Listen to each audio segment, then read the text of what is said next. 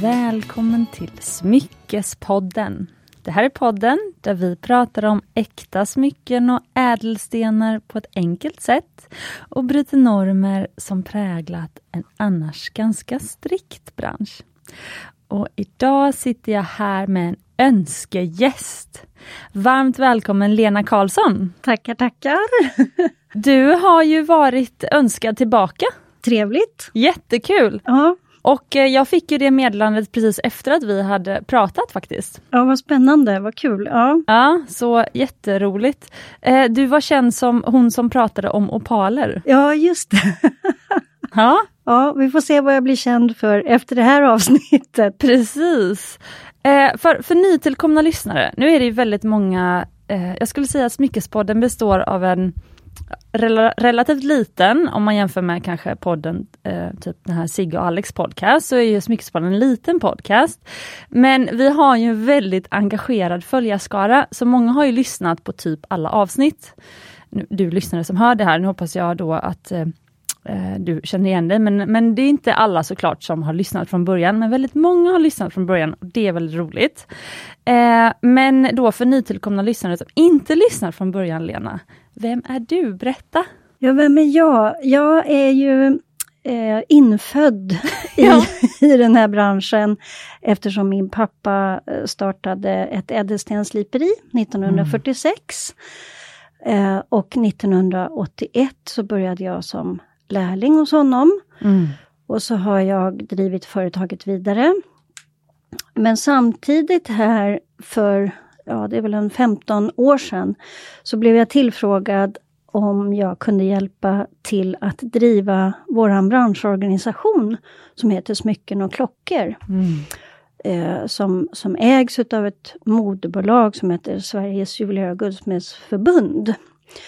Så då sitter jag som VD och ordförande där också.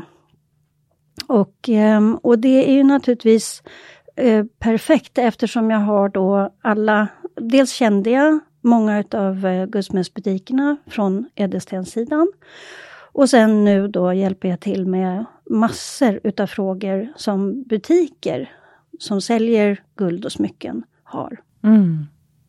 Och idag så ska vi prata om något så glammigt som försäkringar. Ja. Och det känns som att du är den perfekta personen att prata om det här om. Jag hoppas det och jag ska försöka svara på så mycket frågor som möjligt och, eh, och du får hjälpa mig att hålla ordning så jag stannar kvar på spåret.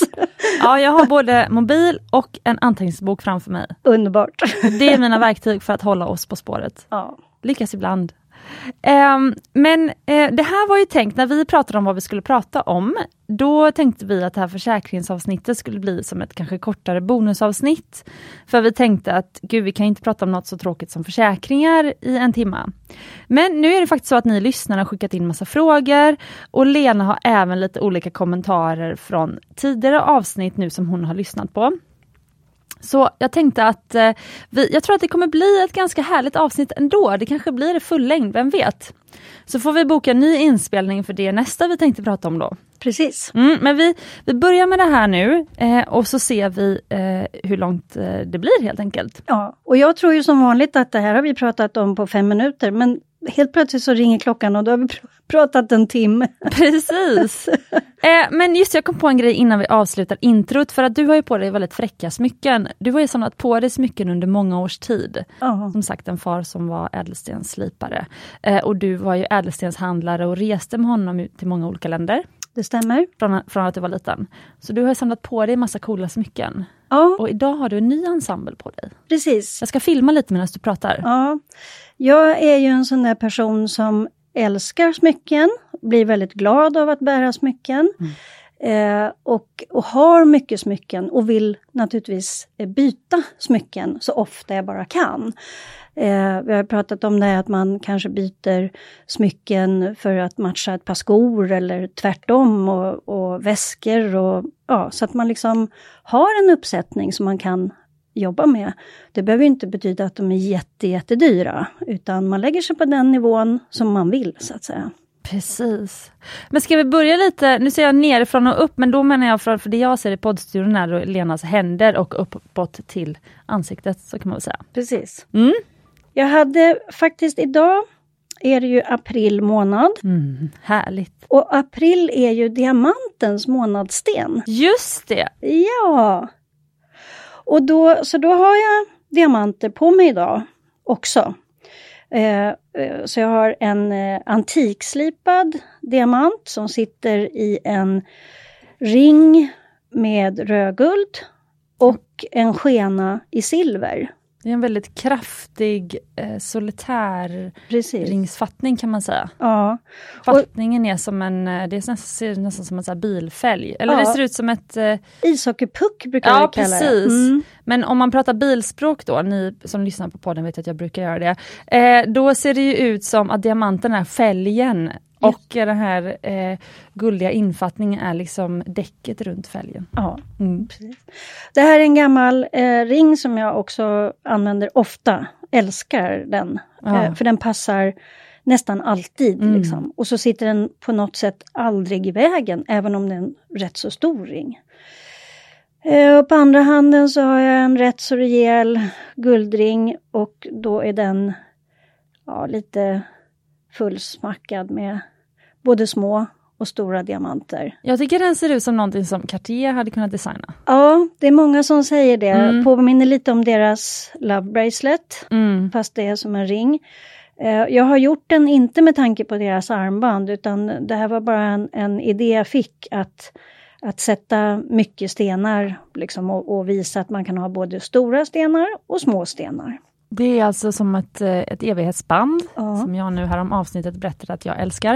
Eh, Det är som ett brett evighetsband och sen är det ganska stora diamanter som sitter liksom med jämna mellanrum runt om hela ringen infattad i det som kallas riven kant, alltså nedsänkt fattning. Eh, och eh, då är det alltså guld, lite guld emellan liksom, så det ser ut som, liksom, som, som prickar nästan, som sitter runt om. Och sen på sidan, den är ganska hög ringen, så på sidan sitter massa smådiamanter i samma typ av då riven kant med eh, guld eh, emellan. Jag gillar riven kant. Jag Mm. tycker det är snyggt och eh, stilrent. B- vanlig klassisk fadenfattning är ju snyggt också om man tänker sig en, en tätare alliansring och, och så. Men annars så tycker jag riven kant är väldigt stilrent. Liksom. Mm. Och faden, det är det som kallas kanalfattning också. Ja, kanalfattning är ju om du har, då har du mellanrum, då har du luft eh, runt stenen och så har du en kant som du har vikt upp så att stenarna ligger som i en kanal. Eh, faden, det är oftast att man sätter dem tätt och så har du pyttesmå körn kallar man det som, som sticker över stenen och håller dem. Men kanalfattning, då brukar det vara flera stenar bredvid varandra, sitter tätt, tätt, tätt. Och så är det liksom en, en hela kanten håller alla stenar. Hmm. Jag behöver nog kolla bilder faktiskt. Ja, precis. Eh, för, för, um, och, ja, så det är lite olika eh, vilka fattningstekniker man har. Men kanalfattning är ju också väldigt vanlig om du har fyrkantiga stenar som sitter bredvid varandra. Då är det ju oftast vanligt att man lägger guldet över då så att säga, så att det blir som en kanal. Ja, nu förstår jag vad du menar. För att det är nog därför också som jag snurrar till det mellan de två grejerna. Att jag använder varken kanal eller faden i någon av mina smyckesdesigns. Nej. Eh, men kanal, precis, kan, i kanal så ser det ut som att det är, det är inget guld mellan diamanterna. Nej, precis. Alls. Nej, utan det, guldet som Mm. håller är liksom kanten som viks upp men inte emellan stenarna. Precis, och Svårt att förklara men men faden, då ser man att det är små klor mellan varje Ja. sten. precis. Precis, okej Mm. då har vi lärt oss det, det var ju kul. Ja, Ja. eh, okej, och så Ja. har du ett snyggt armband. ja precis. Eh, jag gillar ju det här också lite stora. Så det här är eh, det vi också hade tänkt att prata om, att omarbeta. Det här är gammalt guld som jag har låtit omarbeta Mm. till ett eh, armband. Mm. Eh, och det här matchar jag med den här stora guldkedjan som jag brukar ha på mig som faktiskt min pappa har gjort. Mm. Tagit guld, smält, dragit tråd, lindat runt eh, klippt upp och sen så lödit ihop. Helt otroligt. Ja, Eh, och det här det är det med en stort hjärta i pärlemor, så att det har du haft på dig tidigare ja avsnittet. Mm. precis. Ja, och väldigt speciellt. Ja. Och Ja. sen hade vi... idag har du två nya snygga halsband runt. Ja. eh, Det var ett, jag, ett, jag gillar det himla mycket alltså. Mm. Eller två, jag gillar båda. Det är, det är faktiskt två. Det är ju en, är en eh, faktiskt relativt nytt, en Mm, guldkedja, ankarkedja. Och så har jag låtit eh, sätta diamanter i slät sarg som hänger ner, Mm. som jag tycker var snygg. Och sen har jag det här eh, multicolor turmalin. Det är turmaliner, 2 mm runda kulor som är borrade som jag köpte för många, många, många år sedan utav en eh, leverantör som vi hade i Indien. Och, eh, och sen så trädde vi ihop det och satte det här låset. Och nu tycker jag att det passar så bra lite till våren så där när det är mycket färger. Ja, jag tycker det är supersnyggt. Alltså för att ge en bild till era poddlyssnare så har alltså Lena har på sig, det är nästan lite så här choker-längd på båda två. Så det är väldigt liksom, kort- de ligger liksom innanför nyckelbenen båda Precis. två, de här halsbanden. Och det ena är den här tunna guldlänken med sen så fem hängande diamanter. Eh, med mellanrum, så de hänger liksom vid fem olika ställen på kedjan. Och sen så har du det här tjocka, det ser lite ut som, ut som det skulle kunna vara designat eh, av Ola Lyngård eller Charlotte Lyngård. Eh, men eh, bara för att ni ska få en bild och ni lyssnare. Eh, men det ser också ut som att det är det som, jag påminns också om så här Togo beads. Alltså små, små, små, små pärlor som man kan liksom pärla halsband och armband och så. Fast det här är alltså pärlor som är gjorda av riktiga turmaliner, Ja. men de är liksom en millimeter stora och sen så har du ju, det är säkert 20 kedjor som sitter ihop i liksom ett, som ett guldlås, som det är två lejon va? Ja, någon panter, Ja. pantertanter. Något exotiskt djur. Precis. Och så är det lite diamanter i ögonen där också. Jättesnyggt. Ja. Men- det var svårt att hitta faktiskt ett lås till ett sånt här halsband. Ja, för först hittade du alltså alla de här kedjorna? Ja, Mm. och köpte allihopa han hade. Jaha, och du- och så designade du själv och satt klumpa ihop alla då? Ja, precis. Snyggt. Och sen då efter mycket om och men så hittade jag låset och, ehm, och då fick jag faktiskt hjälp. Jag har ju trättpärlor och, och stenkollier själv. Men det här kände jag var lite too much att sitta och, och trä. Så då fick jag hjälp med det utav en kollega. Mm. Så hon trädde upp alltihopa och så satte vi på låset. Då. Så det är ett gammalt halsband men still going strong. Verkligen skitsnyggt, jag hade kunnat eh, köpa det på dräkten. Ja, vi tar det sen. Ja, precis. Eh, men jag måste ändå säga för att det känns som att du tillhör en grupp lyssnare som kanske tänker lite som du, alltså att man hellre, för du säger det här, ja men jag har låtit sätta diamanter i, jag har låtit någon göra det här. Alltså det känns som att du designar lite smycken själv och sen har du, ja en eller flera säkert, guldsmeder som du liksom låter göra smyckena åt dig. Så Ja. du skräddarsyr nästan allt. Ja, det, precis så är det. Mm. Nu har jag ju en fördel då att jag har mycket naturligtvis ädelstenar kvar. Eh, men, men eh, ja, och sen så lite diamanter också. så att eh, jag har ju lite att, att röra mig med så att säga. Och det var lite det Du som har jag, lite material. ja, Mm. som jag sa innan att man, man, man eh, får inte stirra sig blind riktigt på, på priserna utan man ska lägga sig på den nivån som man eh, är bekväm med själv så att säga. Precis. För det är ju ändå så att alla smycken som vi har blir vi otroligt glada utav när vi har på oss. Så, att, ehm, så det ska vi komma ihåg att använda smycken ofta. Precis. Ja, men vad kul. Och med de visdomsorden så går vi då in i huvuddelen. Är du redo? Jajamensan! Då kör vi! Ja.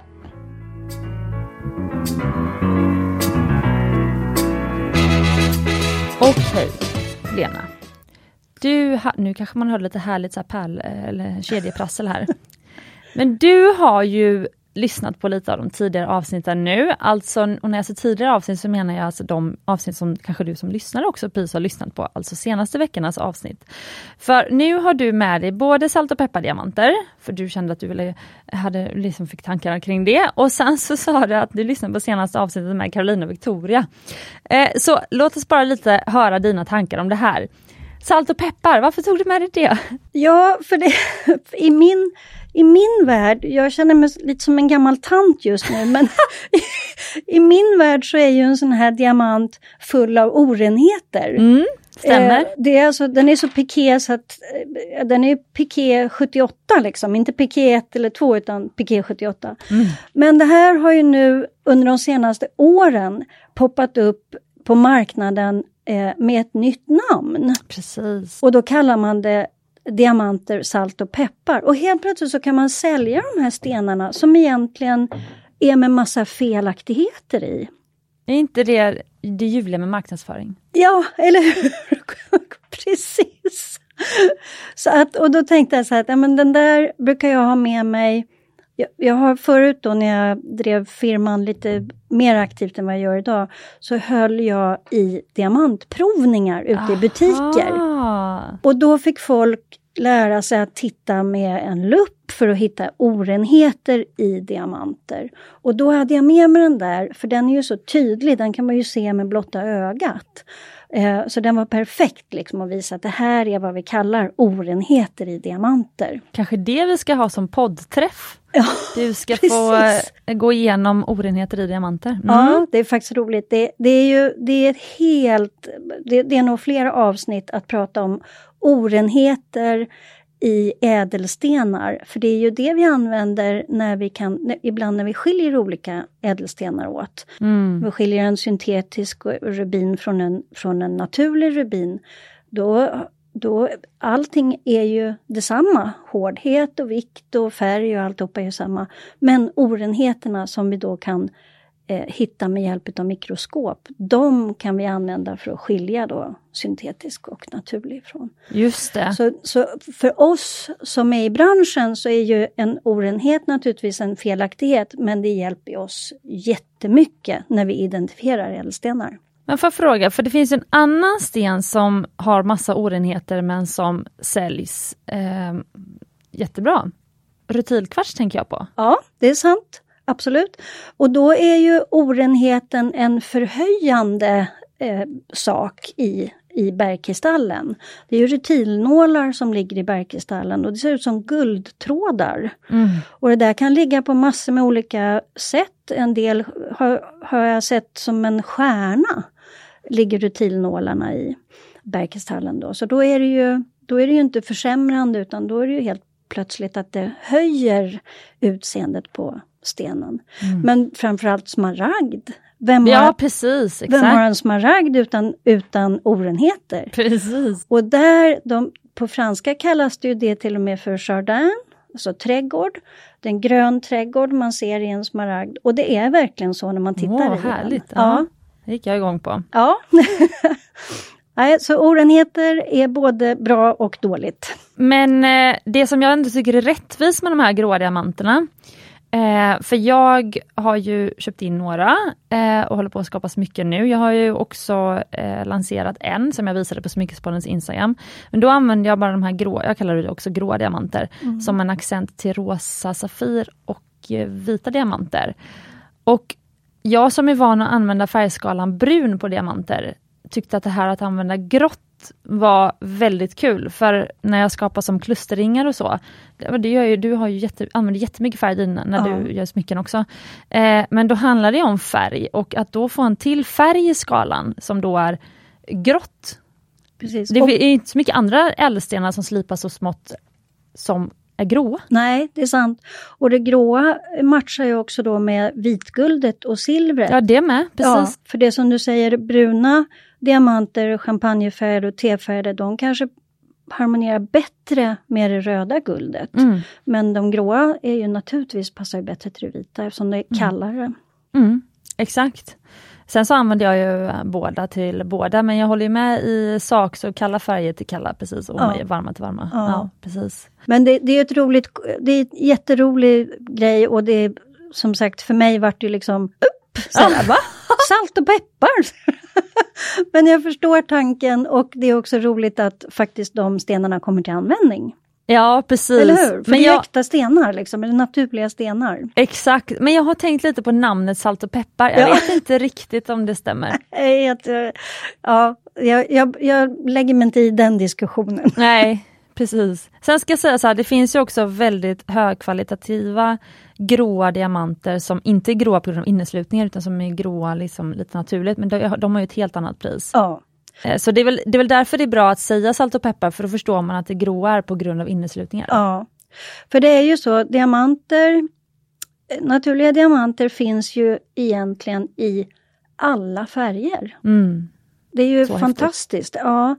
Eh, oftast så när man säger diamant så tänker man bara på den vita och att den ska vara så ren som möjligt. Men jag menar Hope-diamanten som, är- som är blå, Dresden-diamanten är grön. Alltså det, det, som sagt, den finns i alla, alla färger. Mm, precis. Men jag måste fråga apropå färg, färger, för en annan sak var ju här i Ja det var påskavsnittet, just det, det släpptes, släpptes för bara några dagar sedan. Du, så jag vet inte om du har hunnit lyssna på det? Var det det med Carolina och Victoria? Nej, det var med Hanna faktiskt. Nej, det, det har Eh, jag inte hunnit ännu. Nej, det hette Älskar, älskar inte. Men Det var ju bara ett par dagar sedan. Eh, men där pratar Hanna om opaler i alla fall. Och hon har väldigt svårt för opaler. Okej, Ja, men, eh, men det är ju härligt. Och Ja. hon kanske ändrar sig. precis. Eh, men vi hade lite sådär, vad älskar vi just nu och vad älskar vi inte? Och då tyckte Hanna, jag älskar inte opaler. För hon hade varit i Portugal och kollat smycken med sin mamma och hennes mamma älskar opaler. Jaha. Jag gillar också opaler, Ja. färgmässigt så. Men, eh, men vad säger du om det? Varför älskar du opaler? Kan vi inte ställa den frågan först? Ja, jag älskar ju opaler därför att de finns i alla de här färgerna och de finns i, i mönster som, som inte man hittar i andra stenar. Mm, Eh, så, så man kan ju liksom nästan varje dag titta på sin opal och, och hitta ett, ett nytt utseende. Mm. Så det tycker jag är fascinerande. Och jag är ju naturligtvis då frälst i de här boulderopalerna som vi tittade på förra gången. mm. Med, med bergarten kvar bakom. Eh, och så är det ett tunt lager opal då, som har bildats i sprickor i bergen. Vita opaler, fantastiska, men kanske lite tråkigare. Men det är också en, en jättefin sten och kan kosta enorma pengar. Liksom. Mm. Så att eh, eh, jag tycker om opaler, jag vet att en del eh, har svårt för dem men jag är inte säker på att de har sett alla typer ännu. Väldigt bra poäng. Jag tror inte Hanna har sett den här boulderopalen till exempel. Nej, precis. För, nej, hon hade sett en sån här, eh, det var en halo-ring med diamanter runt om. Ja, Eh, hon gillar inte halos heller. nej, okej. Säger hon i samma avsnitt tänkte jag på nu. oj, oj då jag slog till en mikrofon. Börjar studion och rosa. Ja, verkligen. Ja, nej men jag säger det här med mycket kärlek Hanna, jag, Ja. vet, jag vet att du kommer lyssna på det här avsnittet. Men, eh, ehm, men det är ändå roligt. Men eh, det var en halo runt de här diamant, med, runt opalen och sen var det du vet den här vanliga brås, blåspräckliga opalen. Ja, Lite sån klassisk, men den var ju sketdyr den ringen. ja, Och hon var så här, hur kan, och hennes mamma var så här, åh gud vad vacker. Och hon var så här, hur kan någon betala så mycket pengar för en sån? Men sen är det ju den där gamla saken också att opaler är lite otursförföljd. Eh, och det handlar ju om att opaler, vanliga, nu pratar vi egentligen vita opaler med färgspel i, eh, de innehåller vatten. Ja just det. Mm. Ja, och tar vi dem ifrån eh, naturen och tar dem eh, hem till ett kallt Sverige till exempel, för opalen kommer ju vanligtvis från Australien eller Mexiko. Eller. Mm. Eh, hit till kalla Sverige och så ligger den och torkar lite grann eller vi har den ute i 30 graders kyla. Då kan den spricka. Ja. Mm. Så, så det finns en, en liten eh, sån här eh, historik med olycka eh, på opaler och det har just med det här att göra att de kan spricka. Ja, jag förstår. Så att eh, ofta när man köper opaler ifrån till exempel Australien då ligger de i en burk med till exempel sockervatten eller bara vanlig olja. Så att de liksom behåller fukten då. Mm. Så hur ska man förvara sin... För jag berättade då faktiskt i samma avsnitt om en eh, amerikansk smyckesdesigner som var specialiserad bland annat på opaler i bröllopsringar.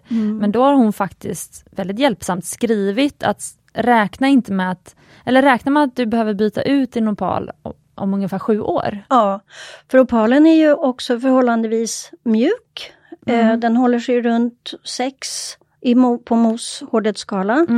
Eh, så det är en relativt mjuk smyckesten. Mm. Så därför är det också, ska man ha den i en vigselring och ha på sig den sju dagar i veckan, då, då nöts den mycket. Så antingen får man slipa om den eller byta ut den. Just det. Men det går ju det också. Just det. Men eh, man kan inte förvara sin ring i vatten eller? kan man göra. Om Asså? man vill. Ja, det går alldeles utmärkt. Då blir ju, det har vi ju pratat om också, då blir ju stenarna rena. Precis. Allting är praktiskt. Gud, spännande. Det här är levande material, stenar alltså? ja, det är ju det. Det är naturligt. Mm. Även om de bildades för ehm, ja, 100 miljoner år sedan. Jag vet Ja. inte om det räcker ens en gång. Nej. Det är det som är fascinerande. Precis. Mm. Men eh, sista avsnittet då, bara lite snabbt gå igenom. Eh, Caroline och Victoria-avsnittet. Du ville ju hoppa in i samtalet här sa du. Ja, men jag varit så tänd där på, de pratade om, om kriget Ja. eh, och, och en ädelstensmarknad och smyckesmarknad som var ganska begränsad i Sverige på den tiden. Och pappa började ju ganska då, pappa började faktiskt att slipa eh, glasprismor till ubåtsperiskop på Mhm. AGA i Ropsten.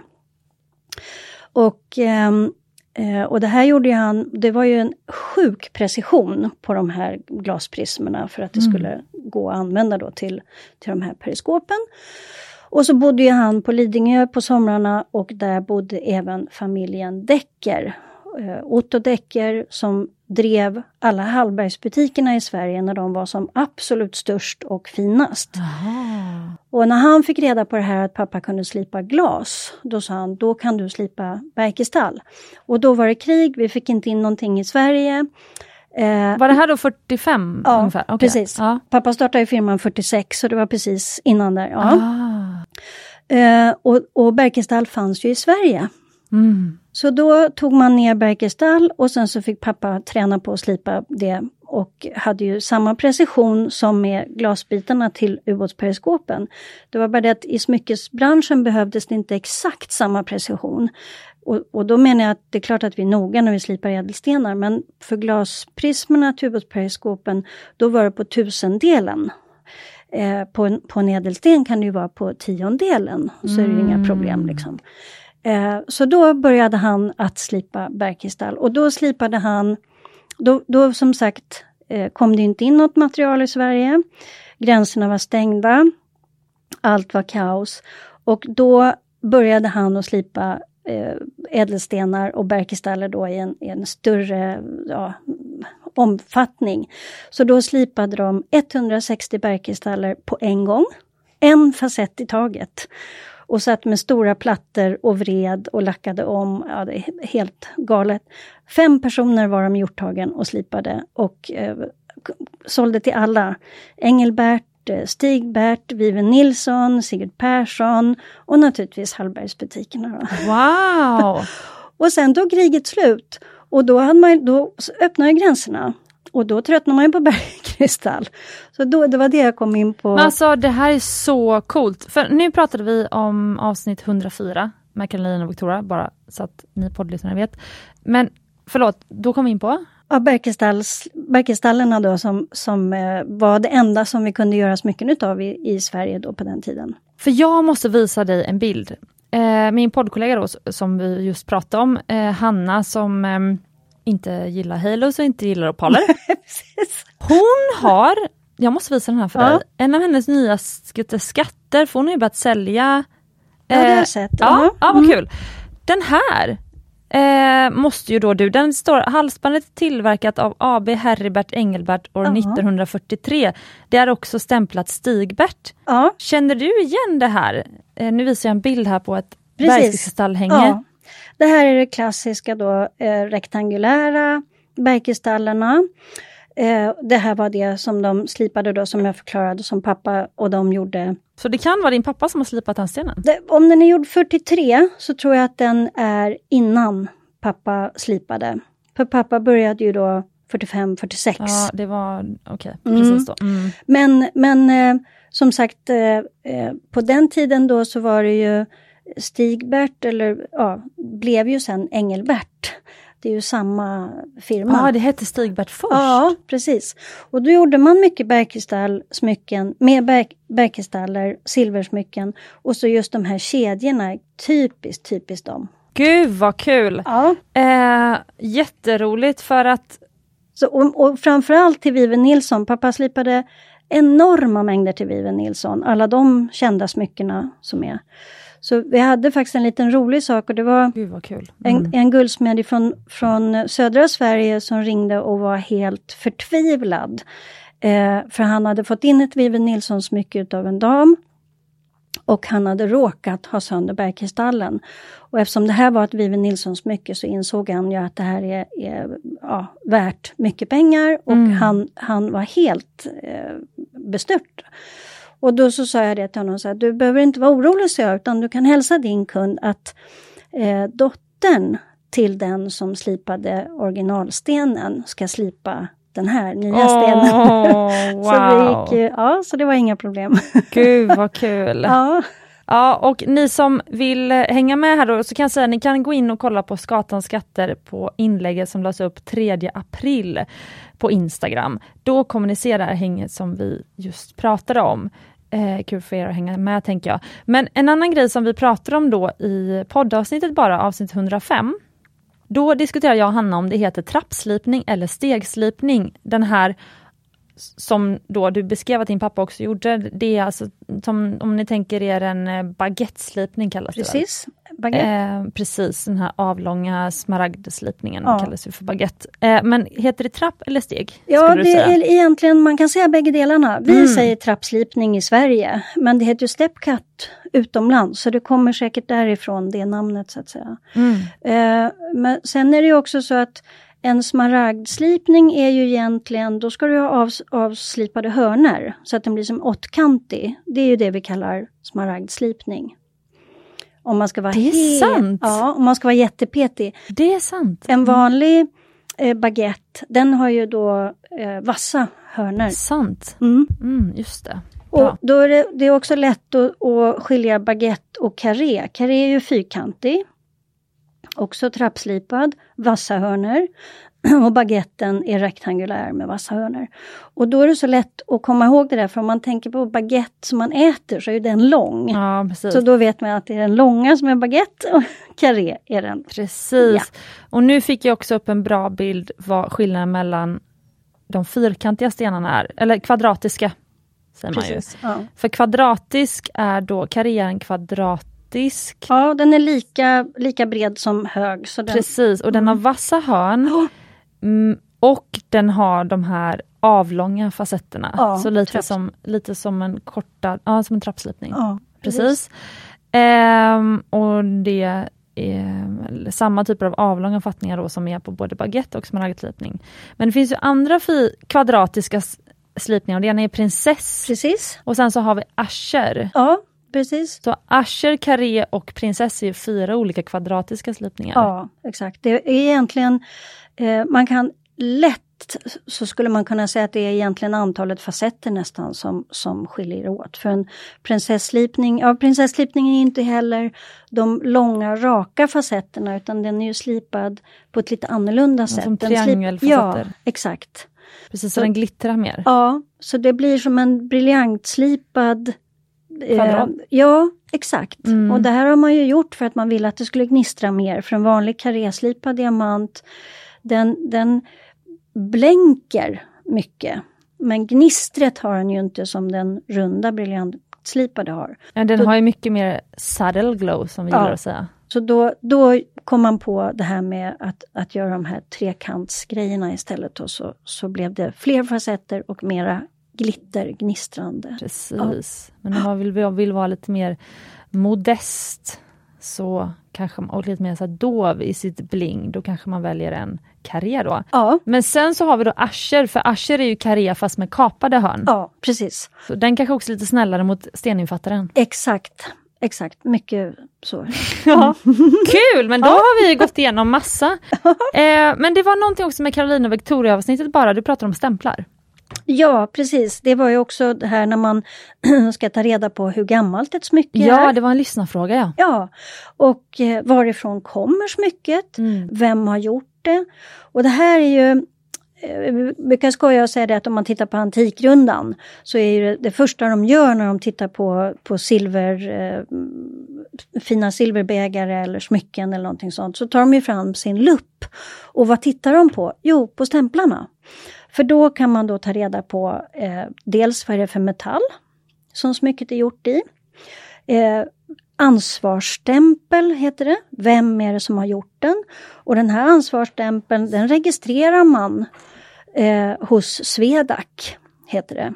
Precis, och det betyder alltså att, för att ge ett exempel från mitt håll, vi, våran ansvarsstämpel på Mumbai heter MUM. Ja, Så om precis. det är ett riktigt Mumbai-smycke, alltså den är gjort i vår ateljé eller en av våra ateljéer, eh, då ska det stå MUM som stämplad. Ja, Och det är ett sätt också när ni kollar om ett smycke som är äkta, då är det, ju, är det rätt ansvarsstämpel i, för ingen, Precis. an, ingen annan får äga en Nej. ansvarsstämpel som heter MUM. Nej, för den är registrerad i ditt namn Mm. och den betalar du varje år för Mm. att prenumerera på din, ditt, eh, den här förkortningen då så att säga som du har. Och ansvaret då, för det heter ju ansvarsstämpel, det är att man ser till att det är eh, äkta material, eller vad, berätta vad ingår i ansvaret? Ja, dels är det ju så att vi lätt ska kunna hitta dig. Om vi hittar ett smycke som det är stämplat MUM, då vet ju vi direkt att ja, det här är från Mumbai och Stockholm. Då kan jag ju ringa till dig och säga det. Du, vi har hittat en ring här. Ja, Eh, sant. Mm. ja. Så det, det är ett ansvar. eh, Ja, det är lätt då att hitta vem som har gjort det. Ansvaret är att, att jag också lovar att det som jag har gjort är rätt och riktigt. Det Det håller eh, karathalten. Om det nu är 18 karat eller om det är 23 karat eller 14 karat så, så har jag ju kompletterat då med en, med en eh, ädelhaltsstämpel, heter det, som talar om vilken ädelhalt det är. Och sen har vi ju det här en, vågen med, med ädelhalten i, den är internationell. Det är en internationell kontrollstämpel. Ja, precis. Våran kontrollstämpel som vi har i Sverige, det är den här som vi kallar kattfoten. Mm. Eh, och det är för att den ser ut som en kattfot. Men, Tre kronor. ja, men i den kattfoten så är det tre kronor. Just det. Den här stämpeln förekommer också helt oval med de här tre kronorna i. Och då har den kontrollstämplats i Sverige, men den är tillverkad utomlands. Jaha. Så kattfoten är att det är eh, tillverkat i Sverige och det är kontrollerat. På den tiden så var det staten som kontrollerade alla smycken som tillverkades, som vägde över ett gram. Häftigt. Ja. Så det här är jätteroligt och, och som sagt de här gamla smyckena då som Carolina och Victoria har, som man liksom kan, kan hitta tillbaka ja, 50-100 år tillbaka. För där har du ju på baksidan då, då har du ju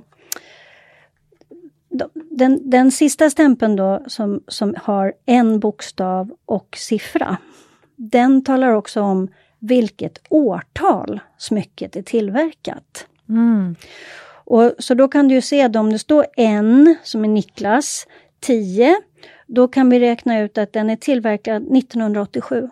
Jag kommer lägga ut de här bilderna så att ni kommer kunna se den här stämpelnyckeln som det kallas. Alltså det kan ni se alla stämplar och hur man tyder dem på Smyckespoddens Instagram. Ja. Ni som tycker det här är spännande. Men jag måste bara säga för Vill, de, vill någon ha en sån här så kan de bara mejla till mig så skickar jag Ah, ett kuvert. jättebra. Absolut. Och det är info at smycken och klockor.se. Ja. Mm. Då kommer man till Lena och Mm. Lena är blixtsnabb på att svara. kan jag säga faktiskt, det stämmer. Eh, men det här med kattfot var ju kul för att som en nya smycken då, vi på Mumbai använder ju aldrig kattfoten. Nej, för det behövs ju inte då. Nej. Eftersom eh, vi tog bort den, det, det kravet eh, att det skulle vara statligt kontrollerat så att säga. Utan det, det är något man väljer idag eh, att kontrollstämpla. Du kan fortfarande göra det men då skickar du det till Swedac eller ja, till Statens provningsanstalt då så får man det eh, kontrollstämplat. Häftigt. Men det är ju jättebra just på då gamla smycken att hitta allt det här så, så blir det som en hel historia Ja, jättekul. i ett litet hängsmycke kanske ifrån 1800-talet så kan du ändå se vem har gjort det, vart någonstans är det tillverkat, för, för det är ju också ortstämplar. Mm. Eh, så då kan det ju liksom stå ett B som i Bertil och då betyder det att det är tillverkat i Borå- Borås. Mm. Så det är jättehäftigt med de här stämplingarna. Det, det är verkligen jättekult att liksom kunna se vart och när och hur det är tillverkat. Jättekul. Ja, då har vi fått eh, prata igenom lite smått och gott här Lena. Precis, nu Kul! vart det massor här. Men Jo. det är viktigt med stämplar, jätteviktigt. Ja, det är superbra. Eh, och nu ska vi börja med det roligaste av allt, vilket är försäkringar. Yes! Är det okej om vi lägger upp det så här att jag ställer lyssnarfrågor Ja, och så det du inte känner att du fått med, det får du, då wrappar vi upp det på slutet. precis. Mm. Men det viktigaste är att svara på lyssnarnas frågor. Mm. Då är första frågan så här.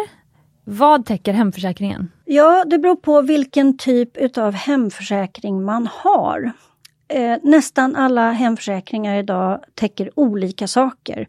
Och du kan ju eh, nästan som när du ska köpa en eh, glass välja till vad du vill ha så att säga. Eh, och så fungerar Mm. hemförsäkringen också. Förr i tiden kallade man ju att man hade en drulleförsäkring, kanske många känner igen. Idag kallas det allrisk som man har som ett tillägg. Och det är just det här om man är borta och så har man en liten tvååring med sig som råkar välta en kristallvas ifrån Orrefors. Eh, då kan den här försäkringen gå in och täcka då. Och allriskförsäkringen, eh, om man har det i sin hemförsäkring, då eh, täcker det i viss mån också smycken. Hur, hur hög mån? Ja, bra fråga.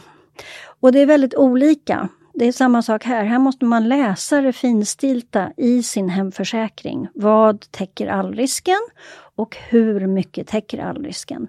Vanligtvis är idag att det täcker 100 000. I total, total, total. mängd, inte Ja. ett enda Nej. smycke? Nej. Ja, det är om du har ett enda smycke. Då kan det ju vara 100 000. Men brukar det inte vara så att det är ett, lös, ett enda lösare får inte vara värt mer än en viss? Jo, men lösöret är ju, då hamnar inte det på allrisken vad det gäller smyckena. Utan, utan smyckesförsäkringen då som, som du ha, kan ha i din allriskförsäkring i din hemförsäkring. Där måste man läsa vad det står att det täcker. Och vanligtvis är som, som jag sa 100 000 kronor. Det finns en del bolag som nu börjar gå upp och jag har, har hittat ett par bolag som har upp till 200 000 i allriskförsäkring för smycken. Okej. Ehm, och vilka av dokument är viktiga att man sparar för försäkringsbolagen? Är det bara kvittot eller är till exempel ett GIA-cert ett viktigt dokument att ha kvar? Ja, det är jättebra att ha därför att när vi, om vi har blivit av med ett smycke så vill vi ju återskapa det eller försöka få tillbaka det. Och då gäller det att kunna uppvisa så mycket information som möjligt till försäkringsbolaget. Eh, och då alla kvitton som man har kvar, alla certifikat, alla värderingsdokument, allting sånt är jättebra om man har kvar. Plus en bild när man har smycket på sig är oslagbart, för då har man ju verkligen bevisat att det här är något jag har. Mm. Jättebra, så fota alla smycken du har hemma. Ja, ta, sätt på dig alla smycken du har och ta en bild så kan du ju visa, de här smyckena har jag liksom. Precis. Så att, mm. Och GIA-cert är då bra för att veta hur diamanten såg ut? Eller? Ja, Mm. precis. Och GIA-cert är ju ett cert som utfärdas utav GIA, men det finns ju HRD och EGI. Det finns massor med olika certifikat på diamanter. Eh, GIA är ju det som vi eh, tycker är det bästa certifikatet. Mm. Så en diamant som är, har ett medföljande GIA-cert eh, tycker vi är, är bäst. Men det finns andra eh, institut som utfärdar certifikat också som följer med diamanter. Precis. Men de diamanter som, för vi köper in eh, diamanter med GIA-cert, Mm. det är ju de dyraste diamanterna att köpa, det är det dyraste certifikatet att Ja, få. precis. Att, och nu gäller ju det också på lite större stenar, för småstenar då har du ju oftast inget cert med. Utan då är ju ditt kvitto som du har ut- utfärdat till kunden det viktiga dok- dokumentet. Precis, för certifikat kommer generellt med stenar som är från 0,30 karat och upp. Men du kan ju ha en, till exempel vi på Mumbai, vi säljer ju alliansringar som kostar uppemot liksom 50-60 000 om det är ganska stora stenar i. Eh, men alla stenar är under 0,30 karat enskilt, så då är det en jättedyr ring men som du inte får något certifikat med. Eh, och då är det väldigt viktigt att ha kvar ja, men, all annan dokumentation från Ja. handlingstillfället. precis. Så att, för det är ju det som sen försäkringsbolaget eh, beräknar. Hur mycket ska du få i ersättning eller hur mycket ska du få en rekvisition så att du kan gå och återköpa ditt smycke som du hade. Precis, för att här, det kommer nämligen en följdfråga här. Mm. Alltså finns det några viktiga steg man kan ta innan olyckan är framme? Tänker till exempel på om det är fördelaktigt att med jämna mellanrum få sina smycken värderade. Eller är det slöseri med pengar? Nej, det är jätte, jättebra. Eh, därför då har du ju ett bevis mot försäkringsbolaget att det här... För det, för det är ju tyvärr så här att i alla fall utav försäkringssaker så förekommer det oärliga, oärliga människor. Så att eh, ju, ju noggrannare du kan visa vad du har haft för smycke med foto, certifikat, kvitto, all annan dokumentation. Ju lättare är det för dig att samtala med försäkringsbolaget och få tillbaka det du har haft. Men då har jag en följdfråga för att problemet är ju alltså om, om jag skulle göra ett smycke till mig själv, Mm. ett Mumbai-smycke säger Mm. vi. Eh, och sen så sätter jag ett liksom, pris på det. Eller om jag skulle göra det till, till en kund också. Och sen skulle jag dagen efter, som det är klart, gå och få det värderat. Då skulle ju värderingspersonen värdera det till kanske 30% eller 40% av nypris i bästa fall. Alltså värdering i andra hand är ju aldrig som liksom det priset som nypriset är. Ja, fast då kan du ju uppvisa kvittot att det här är vad det kostar. Om vi, om vi säger att, att en, en ring ifrån Olle Lyngard Ja, till exempel, eh, vet vi kostar mer än om jag har gjort den och sålt den. Den har ett högre värde därför att det är ett känt märke, det är en känd designer och alltihopa det där. Och kan du då visa upp det, att det här är en Lyngard eller Mumbai-ring eh, med, med hjälp av din dokumentation, ja då ska värderingsmannen ta hänsyn till det. Okej, jättebra. För en till fråga här kommer nämligen för att det här är då en tjej som jobbar i branschen och hon tycker att försäkringsbolagen inte riktigt hänger med och håller sig uppdaterade. Eh, hon skriver, jag upplever ofta att försäkringsbolagen verkar lite förlegade i tankesättet just när det kommer till smycken. Alltså de är krångliga rent generellt men också att vissa bolag har färdiga kataloger som man får välja ersättningsprodukt ur. Ja. Helt utan att ta hänsyn till märke och design. Så alltså om man då blir av med en, vi säger då en solitärring från Mumbai eh, och sen så har då ens försäkringsbolag en annan katalog med standard solitärer man får välja från. Ja, men då hade inte ens jag, varför driver jag då ett smyckesföretag om man, det då finns standardsolitärer att välja från? Alltså, Ja, jag förstår. Och, och det här är ett dilemma. Eh, framförallt om det är en enstensring. Eh, som du säger, den solitär med kanske en enkarats diamant i. Eh, för där är vi lite oense. Vad, vad kostar den här enkaratsdiamanten? Eh, försäkringsbolaget vill ju naturligtvis att den ska kosta så lite som möjligt. Eh, och kunden vill ju att den ska kosta så mycket som möjligt naturligtvis. Så här gäller det då återigen ha all dokumentation, kanske gå och göra en eftervärdering. mm. Alltså Carolina och Victoria hjälper ju till med sådana saker.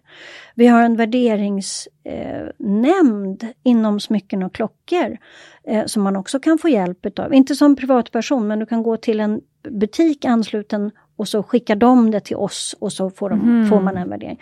Och samma då, är det ett smycke som man ska visa att man har haft efteråt, ja då måste man göra en eftervärdering och det är väl ofta försäkringsbolagen har idag. De vill ha någonting att, att bygga sitt, sitt case på liksom. mm. Och visst är det så att, att eh, man kan tycka att de är lite förlegade. Eh, men, men det är ju en, ja, det är en liten fight där. Vad är rätt och vad är fel och, och hur ska vi liksom hitta eh, där vi är överens. Förstår. För det är ju också så att om du har en klocka till exempel i din, som, som omfattas utav din hemförsäkring. Om du har haft den i tio år och den försvinner, då får du ju inte, då får du inte ett nyvärde idag utan då skrivs ju värdet ner på den här klockan. Så den är inte värd lika mycket som den kostar ny. Och det måste man också ha med i beräkning att ett smycke som är begagnat och som man har använt i många år det har ett lägre värde än om det vore spritt nytt. Men är det så även om, för jag upplever att försäkringsbolagen ändå kan förstå att nej, men guldpriset har gått upp, diamantpriset har gått upp och så vidare. Mm, och det absolut, och det måste man också ta med framför allt eh, guldpriset som har men vad sa vi, på 80-talet kostade det 70 000 kronor kilot då och idag kostar det nästan 700 000 kronor kilot. Mm. Så att det har ju hänt en stor förändring i priserna och det måste man också ta med i beräkningen. En sån här kraftig guldkedja, den har ett helt annat värde idag än vad den hade när den gjordes. Precis. Eh, så där är också, och där är en eftervärdering då på ett smycke eh, mycket behjälplig. Mm, precis. Eh, sen har jag fått lite frågor på vad vi rekommenderar för försäkring på smycken, men jag tänkte vi avslutar med det. Mm. Eh, för jag har lite andra lyssnarfrågor emellan. Mm. Eh, och då är det en tjej har frågat så här, måste man försäkra ett och ett eller kan man försäkra en smyckesamling som helhet? Jag har aldrig hört talas om att man försäkrar en hel smyckesamling utan det är ju, det är ju ett och ett som man, eh, som man gör en värdering på och som man dokumenterar. Så att man liksom lätt kan, kan om det då om du har en samling bestående av fem halsband, fem armband, fem ringar, fem örhängen och så tappar du en ring, då måste du hitta vad är den ringen värd i den här smyckesamlingen. Så det måste finnas eh, dokumenterat per styck så att säga. Men hemförsäkringen, då är det ju en samlad försäkring. Ja, det är det. Eh, och den är ju lite luddig eller vad man ska säga. Den har bara ett värde. Eh, och det är lite samma sak som, som du var inne på lösöre. Ja men min soffa kanske kostar 50 000 men portföljen har jag hittat på en loppis. Så att det gäller ju att veta i, i den här stora delen, vad, vad är sakerna värda så att säga. Ja, förstår. Eh, för också det här med lösare, jag kanske blandar ihop det för mig själv, men, men det jag tänkte på där var i alla fall att jag har för mig att min, alltså när jag hade lägenhet och skulle försäkra, då var det att, eller en extra smyckesförsäkring fanns som tillval, men så var det så här, varje, ett enskilt smycke i sig får inte kosta mer än 25 000. Så det var en samlad smyckesförsäkring men liksom om ett enda smycke hade kostat 60 000 då hade jag fått liksom köpa till det som en egen försäkring. Mm. Och återigen, man måste läsa. Ja, allt så det, här mm. tråkiga, allt det här finstilta. Ta en solig dag Ja. och liksom sätt dig med en kopp te eller ett glas rosé, får jag säga så? och läs liksom, vad, vad är det min försäkring täcker så att säga. För Ja. det är det är lite snårigt och, Ja. och det gäller ju att, att, vara trygg så att man liksom Precis. vet att man, man, eh, ja, att man om, omfattas utav försäkringen. Precis. Ursäkta, nu kom det in någon... eh, Jag har ju uppe mobilen här för jag ska läsa lyssnarfrågorna. Mm. Eh, för det kommer, jag kan säga det till er lyssnare, Lena har ett förslag på, alltså Smycken och klockor branschorganisation har sedan ett förslag på en försäkring. Eh, så vi ska ta det, men bara det är två frågor till. Mm. Innan vi ska ge mer konkret förslag då på det som du har. Eh, en tjej skriver, när behöver man ska skaffa kassaskåp? Ja, det är lite magkänsla eh, och beroende på hur mycket man har. Och sen är ju ett kassaskåp, det är en djungel det också. Ja. Vad är det för typ av kassaskåp du behöver? Hur mycket ska du ha i det? Eh, och, så det, det är också en, en annan fråga så att säga. För att har du mycket smycken, ja då kanske det är dags att skaffa ett kassaskåp. Men då måste det kassaskåpet vara tillräckligt eh, utfärdat så, så att du kan ha dina smycken i det. Så att det inte bara är ett värdeskåp till exempel. Nej, för papper. Mm. Nej, precis. Eh, precis, men det kan ju också vara att, den, eller den här frågan är en typisk bra fråga att ställa till ett försäkringsbolag också. Ja, precis. För det är precis. de som kommer bestämma om du behöver det eller inte. Ja. Och där får man hjälp. Jag menar, du, som, nu är vi inne på smycken och klockor. Vi, vi har ju till våra medlemsbutiker erbjuder ju vi hjälp med företagsförsäkring. Eh, och där sitter det killar som är rätt duktiga på det här med kassaskåp och sådana saker. Så att, Ja, eh, precis. Mm. precis. Om du som lyssnar har ett företag. Ja, precis. Och om du har en stor smyckessamling. Eh, en stor smyckessamling idag som är värd mycket pengar, den är knepig. Mm. Eh, och, och där måste man titta från fall till fall. vad, vad kan man göra och hur ska man lägga upp det så att säga. Mm. Och, och läsa då det finstilta i sin hemförsäkring för då kanske inte det omfattar så högt värde som en, som en smycken faktiskt har. Så att man får vara lite omsorg kring sig. Eh, har man ett stort värde på någonting så, så gäller det att sätta sig in i vad händer om det här försvinner? Mm. Vad får jag då? Precis. Och sen så är det en tjej som undrar smycken on tour, alltså hon tycker det är svårt att resa med sina smycken. Ja. Eh, inte kunna lämna bilen och så vidare. Nej, har du några sant. tankar kring det? Ja, där har vi pratat tidigare om de här gamla tidens operasångerskor Mhm. som hade enorma smycken med juveler och dignande. De hade ju ofta eh, oäkta Ja, när de precis. reste. För att det var svårt att, att ta det med sig. så att säga. Och jag vet att många amerikanska miljonärskor som har stora, stora diamantringar. Det finns inte en möjlighet att försäkringen täcker om de tar med sig dem på en eh, semesterresa. Och då kan de faktiskt göra så att de gör en, en, tar en, en kubik zirkonia eller en, någon syntetsten eh, och sätter i en ring och så har de det på resan och så ligger den äkta eh, i bankfack eller i kassaskåp. Mm. Så är det, är det ett högt värde och man ska resa med det, då får man fundera, ska jag, ska jag ta något annat smycke på mig? Eh, eller ska jag göra en kopia som jag kan ha när jag reser? För Mm. det, är, det, är inte, det är väldigt svårt att få en försäkring som täcker ett högre värde om du är ute och reser. Mm. Ja, okej. Men då kanske det faktiskt är dags att gå in på faktiskt dina rekommendationer. Eh, alltså vad tycker du man ska titta på när man väljer försäkringsbolag just utifrån smycken? Det är en lyssnarfråga faktiskt. Mm, ja, där måste man ju också se då, hur mycket smycken har jag? Eh, är, de, är de väldigt unika?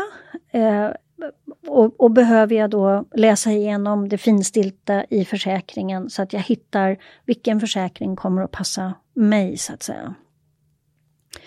Eh, och en del försäkringsbolag, finns utländska för, eh, försäkringsbolag, där kan man idag hitta specifika smyckesförsäkringar. De kostar mycket, men det är också värdefulla saker som vi vill ha försäkrade så att säga. Så man måste, man måste titta igenom sin situation och utifrån det så letar man vilken försäkring som passar. Så det är svårt för mig att säga att, att hon ska välja det här försäkringsbolaget, för jag har för lite information, för lite underlag för det. Men, men hon kan ta reda på det själv så att säga. Vad, vad har hon och vart ska hon hitta en försäkring som täcker henne? Mm. Och hon ska absolut gå och göra en, en värdering på sina smycken. Eh, ja, in, inte varje år kanske, men, men eh, det här har vi pratat om förut, 365 dagars service. Vi, vi, vi servar våra bilar, men vi struntar i våra smycken. Jag tycker att det är jätteviktigt att vi går och kontrollerar våra smycken. Eh, sitter stenarna fast? Börjar armbanden bli slitna? Eh, och, och, och sen så få en, en värdering på de smycken man har, så att man ser vad händer med värdet hela tiden. så att säga. Jag håller med. Man kanske inte ska förvara alla sina smycken på samma ställe. Nej, inte alla ägg i samma korg. Precis, för oh, grejen är också, jag tycker att det monetära värdet är ju, alltså om man säger så här, de, det som jag skulle vara eh, mest rädd för att förlora hemma eller av allt, ja, olika saker, det är ju inte alltid det som är dyrast. Nej. Alltså det är ju väldigt mycket som av, av saker eller liksom, affektionsvärde. Det kan ju vara en gåva eller något du har ärvt som, som, är, är jätte, som för dig är jättevärdefullt men kanske inte summan på priset är högt så att säga. Så nej nej men ta som en eh, himla blomkruka. Ja, Alltså det kanske är den billigaste eller den som är från skrotsamlaren som jag Ja. gillar mest, som jag skulle bli mest ledsen för att förlora. ja.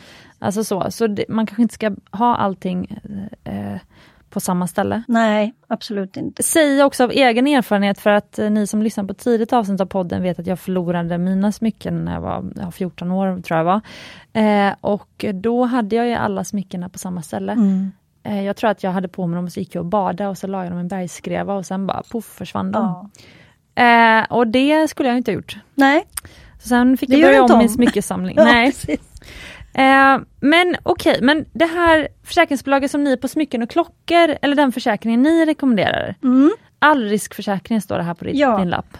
Då är det så här att inte alla butiker använder det här, men alla butiker som är anslutna till oss har möjlighet att använda det här.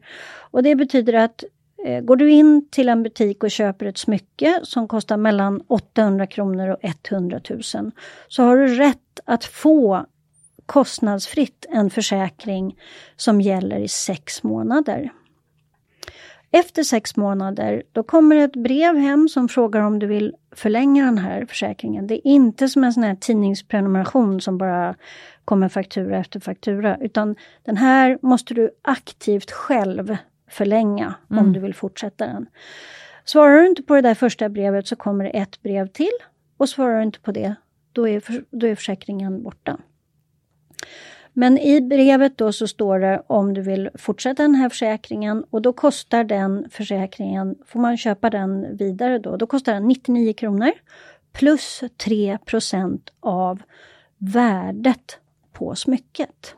Och Är det 99 kronor per år? Ja, ja precis. Ja. 99 kronor per år eh, och sen så 3 av, av värdet på smycket. Så om man då vill försäkra sin förlovningsring som kanske är värd, eh, vi säger 35 000, Mm. då blir det 35 000 och så 3% på det blir 1050. Ja, plus Kronor. 99 kronor Så om då, året. Precis, så då betalar man för sin förlovningsring då. Mm. Ehm, nu använder jag ju alla typer av eh, såna här eh, förutfattade meningar som finns, men eh, det är ändå, faktum är, jag talar ändå från egen erfarenhet av att sälja smycken, ofta Mm. så är ett av de dyraste man äger är ofta kanske sin förlovningsring. Ja, det är då och- och vigselringen. Ja, ja, eller vigselring, Ja. då, precis, bröllops, bröllopsringarna. Ja, Så det är ett eh, relevant exempel av erfarenhet vet jag. precis. Så då hade det kostat 1149 kronor i ett år ja, eh, om ringen kostar 35 000. Ja. Eller är värd 35 000. ja. Och vad händer då om den försvinner? Då blir det inte så att eh, man får ett katalogsmycke sen, Nej. utan då, vad händer då? Nej, då går man tillbaka till den butiken där man har köpt sitt smycke. Mm. För det är, så- det är det som är det fina med det här, att du blir inte eh, lotsad till någon annan butik eller någon annan katalog, utan där du har köpt ditt smycke och fått den här försäkringen och valt att behålla den här försäkringen, dit blir du hänvisad igen. Och då kan du återskaffa ditt smycke så att säga. Ja, Och smyckets värde eh, behåller, det behåller sitt värde som när du köpte det hela tiden. Så det skrivs aldrig ner. Men det skrivs inte heller upp. Nej, Nej. om det inte är så att vi säger nu att det är en guldkedja och guldpriset går upp jättemycket så är ju helt plötsligt guldkedjan mycket mera värd. Då kan du aktivt höja. Ah, man får själv höja värdet. Ja, eller Just för då sänka. höjs ju sin premie också. Ja, eller sänka. Om vi säger att guldpriset skulle rasa, ja då, kan du, då kanske du eh, sänker värdet på ditt smycke. Då sjunker ju premien också, men då sjunker ju också vad det kostar att återskaffa det. Just det. Men är det då en bra, ett bra alternativ då, att man har, man har sin hemförsäkring som täcker liksom ens billigare smycken, troligtvis då, det får ni kolla med ett försäkringsbolag och eh, ta ett glas i solen, varmt eller Precis, kallt, Exakt. och läsa det finstilta som Lena sa. Ja. Eh, men sen så om man då har något extra fint, det här som inte hemförsäkringen täcker, då kan man använda den här försäkringen. ja, Vad heter den försäkringen? Både för den som ska gå in till en guldsmedja och den som säljer smycken. Eh, vad heter försäkringen då? det är smycken och klockors allriskförsäkring. Mm. Eh, och som jag säger, det är inte alla utav våra medlemsbutiker som använder det här, men alla utav våra medlemsbutiker har möjlighet att göra det. Just Så det. att, så att går ni in till en smycken och klockerbutik, alla ligger på vår hemsida, i stort sett alla ligger där, eh, och de säger att de inte har det här, då kontaktar de mig så kommer jag att aktivera dem i det här systemet så att de börjar att, eh, att ge kunderna den här Ja, för- försäkringen. För ha, hur länge har den här så att säga, försäkringsprodukten funnits? Massor med år. Ja. Massor med år. Smycken och klockor. På den tiden då Sveriges juvelerare och guldsmedsförbund, redan på den tiden hade vi eh, såna här allriskförsäkringar Mm. som registrerades då så fort du köpte ett smycke. Mm. Jättebra. Ja. Ehm, och jag måste ge också ett förslag som jag fått av eh, eh, min försäkringskontakt, eh, alltså på Mumbai. Ehm, så jag pratade med honom också inför det här, eh, inför det här avsnittet. Eh, och så frågade jag honom vad ska, vi, vad ska jag rekommendera till eh, mina kunder och så vidare. Då sa han att det finns ett försäkringsbolag som heter Brookfield. Har du hört om det? Ja, jag har sett dem. Ja, men Ja. Jag, jag har inte läst jag har inte tagit det med ett glas kallt eller varmt. Nej, och inte läst igenom alltihopa. Men jag har sett att de finns och de, är- de gör ganska kraftig marknadsföring nu. ah, De är okej. ett komplement lite till det här. Alltså det är typ samma sak. Det är en smyckesförsäkring. Ja, men jag tror också att det kan vara, kanske beroende på vilken livsstil man lever, men eh, han säger i alla fall, där ska man helst ha några hundratusen kronor i värde. Ja. Så, och sen sa han, de vill veta vad man heter, var man bor, vad man har för jobb och så vidare, för de vill säkerställa att det inte är stöldgods eller Nej, sånt precis. som man vill försäkra.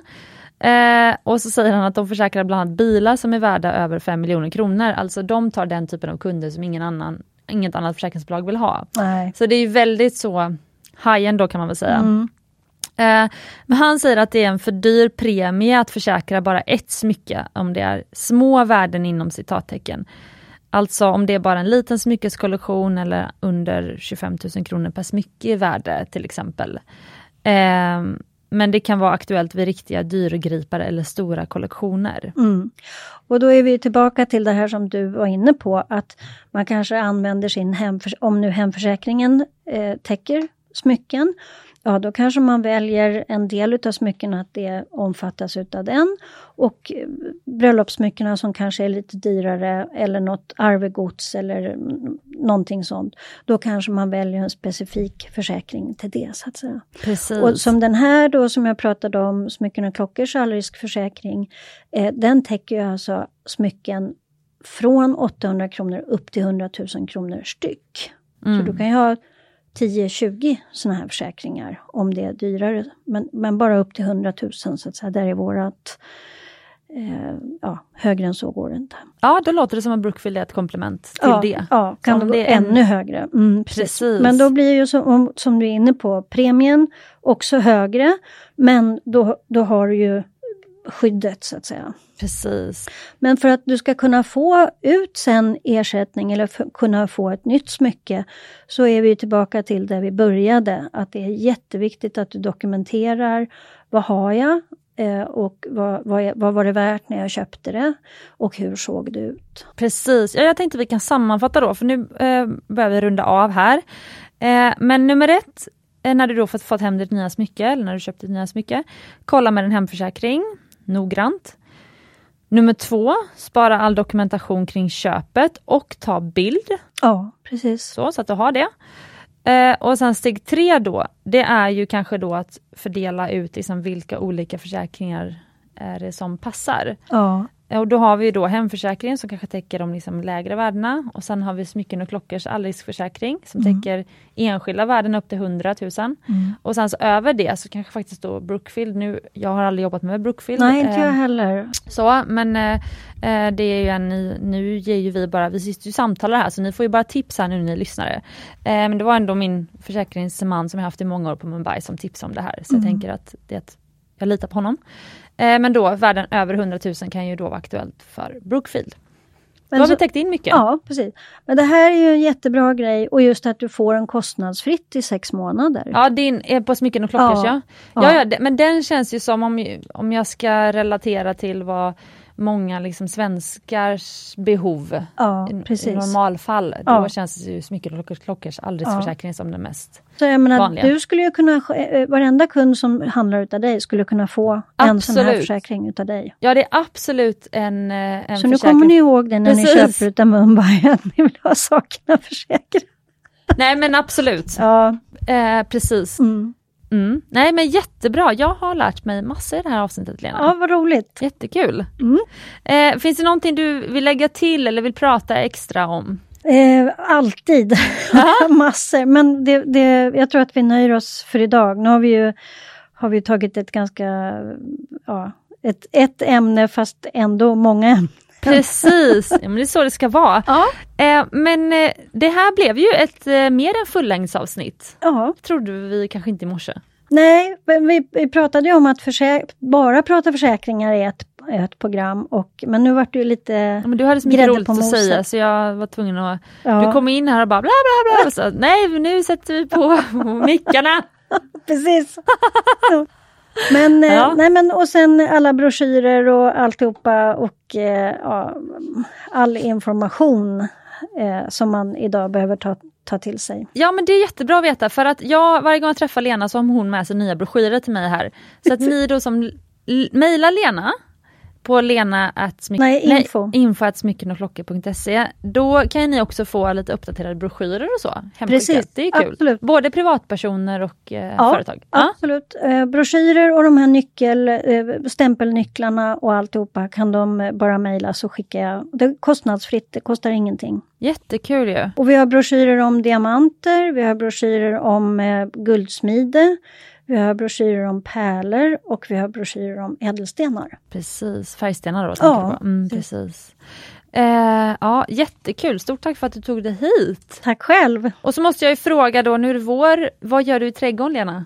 Och nu håller jag på och sätter om jordärtskockor. Oj, jaha, ah, vad kul! Ja, jag fick av min granne för ett år sedan fem stycken jordärtskockor. Och då sa hon så här, nej men de där bara planterar du ner som typ potatis. Eh, och så kommer det upp blommor och sen så skördar man dem där. Och jag, jag har aldrig eh, så, sått jordärtskockor. Men de där planterade i alla fall fem stycken. Eh, upp kom det jätteblommor med stora gula blommor. Det ser ut som solrosor. Aha. De är tydligen släkt med solrosor har jag läst nu. Enorm, alltså två meter höga, jättefina. Ja. Och så fick jag tips då i höstas att klippa av dem där, då hade de ju vissnat ner, klippa ner dem så att det var bara typ 30 centimeter kvar av stammen. Och sen så låta dem vara över vintern kvar i jorden, inte röra ner i jorden. Och sen så nu när kärlen gick ur, då var jag där och kollade lite och fick upp jättemånga. så nu äter jag jordärtskockor, soppa, mos och gratäng. Alltså det är så gott. Gud vad härligt! Ja, så utav de där fem fick jag säkert hundra jordärtskockor. Ja. Och så har jag sått fem nya nu då, som Åh får gud nästa vad år. härligt! Men det- är en sån grej som jag undrar, varför är det så dyrt att köpa? För det kommer ju, som du säger, det blir multum Ja. i jorden. Ja, precis. Det är helt otroligt. Men jag vet inte varför. Om det är att det tar ett helt år. För det gör ju det. Det tar ett år innan du skördar. Ah, sant. För att de ska ju tydligen ligga i, kvar i jorden över vintern. För då försvinner det här som gör att man kan få lite ont i magen. Jaha! Ja, okej. Har jag läst på här? Okej, för jag var ju lite lat i höstas. Jag grävde aldrig, alltså för att jag har ju också en jordärtskocksstory. Ja. Jag fick också jordärtskockor av min granne. Jag har ju bara bott i mitt hus i drygt år, Ja. vårt hus. Eh, och, så, och så kommer med dem, ja men här planterar de så här, tre stycken, och då tror man inte de ska. Men jag fick samma upplevelse som du, att det blir de här vackra solrosorna och så bara wow. Och sen så eh, var jag lite så lat och liksom orkade inte riktigt skörda dem i höstas. Men då var det ju meningen. Ja, precis. Eh, men vet, jag måste bara säga, för vet du vad hon sa? Hon sa så här, om du måste skörda dem nu. Ja. För jag fick ju dem då i april förra året, så det Just stämmer det. ju det här med att det tog ett år då, som du säger. Eh, men hon sa, du måste skörda dem för annars får man, alltså det blir som ogräs. ja, Alltså det, då, då blir de där hundra som ligger kvar blir ju 300. Ja. så hon, re, precis, för jag fick rekommendationen att använda en pallkrage så att jag liksom Ah, begränsar. smart. gjorde inte jag. Okej men då, det blir jordärtskockor ikväll då Ja, Lena? jajamän. Ja, solen har skinit under påskhelgen så kärlen är borta. Ja, precis. Ja. Och jag ska hem och plantera äppelträd. Åh, Ja, gud vad härligt. ja Ingrid Marie blev det.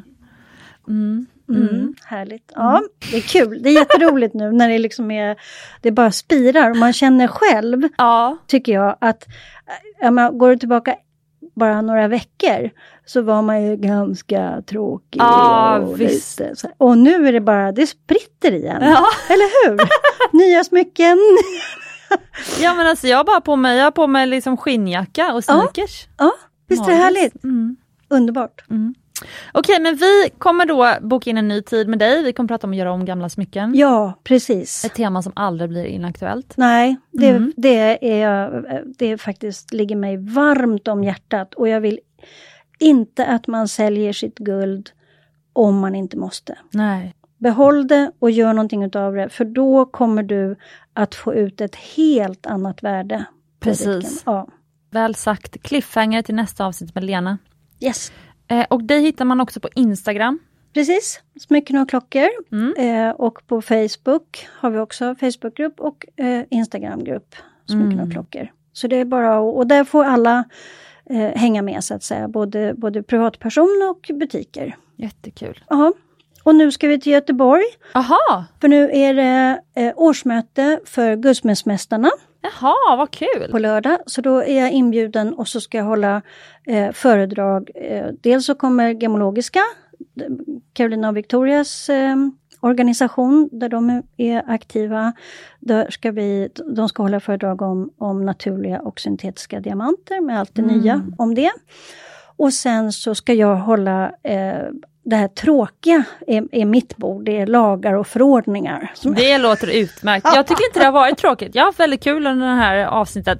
Men du, jättebra. Vi, har, vi, vi måste egentligen gå ur studion men jag fick dra över lite. Jag glömde en lyssnarfråga. Ja, då tar vi den. Hon undrar hur försäkring av syntetiska diamanter funkar. Jag kom på det nu när du sa det. Kan man ändå få tillbaka ett högt värde på försäkringen när man köpt en dyr ring trots att stenen i stort sett tappat värde så fort man fått hem den? Nej, tyvärr inte. Utan du får, du får ehm, det- är ju så här att eh, en del för, försäkringsbolag, de vill ge dig pengar istället för ett nytt smycke.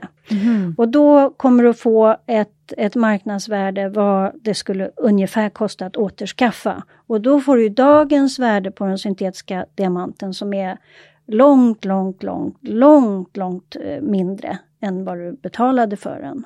Eftersom priserna sjunker nu katastrofalt. Liksom.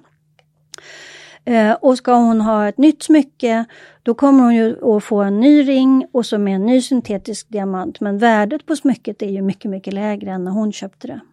Tyvärr. Kan man försäkra med allriskförsäkringen? Absolut. Eran? Ja, det kan man göra. Du kan försäkra den, men värdet kommer ju, alltså värdet på det du har, har köpt den för kommer att bestå.